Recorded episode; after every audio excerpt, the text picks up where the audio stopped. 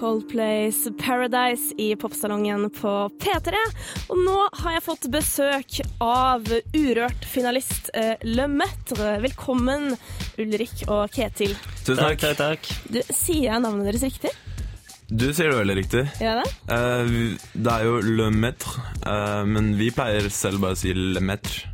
Le Metre? Nei, Le Metre. Bare ja, Le Le Metre. og jeg ja, på Ja, norsk, på en måte. Le Metre, vi Uten den franske ordlyden. Ja. For det er jo litt sånn avansert. Hvordan kom det navnet til, egentlig? Eh, Det var egentlig ganske tilfeldig. Det var bare Jeg leste navnet i en bok, og så så det veldig kult ut. Begge var helt enige. Og så tenkte vi ikke så mye på uttale, men eh, ja. Det var et kult navn i hvert fall. Det funker bra i Frankrike, da. Det er det. Ja. Eh, Dere er jo to karer som lager eh, hva skal man kalle det, litt sånn eh, disko-elektropop. Eh, Hvordan møttes dere egentlig?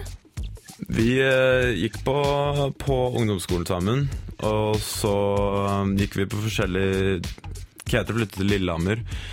Eh, men så hadde vi snakket sammen om å gjøre musikk da, tidligere. Og så når begge var ferdige på videregående, så bare prøvde vi ut å lage noen sanger sammen. Og så funket det jævlig bra, da. Og så bare bestemte vi oss for å satse på det en liten stund, og nå går det jævlig bra. Ja. Eh, Det er jo litt interessant, eh, fordi Urørt-finalen i år det er jo liksom så utrolig forskjellige artister. Og f.eks. Autolaser, som lager litt sånn mer dubstep-aktig musikk.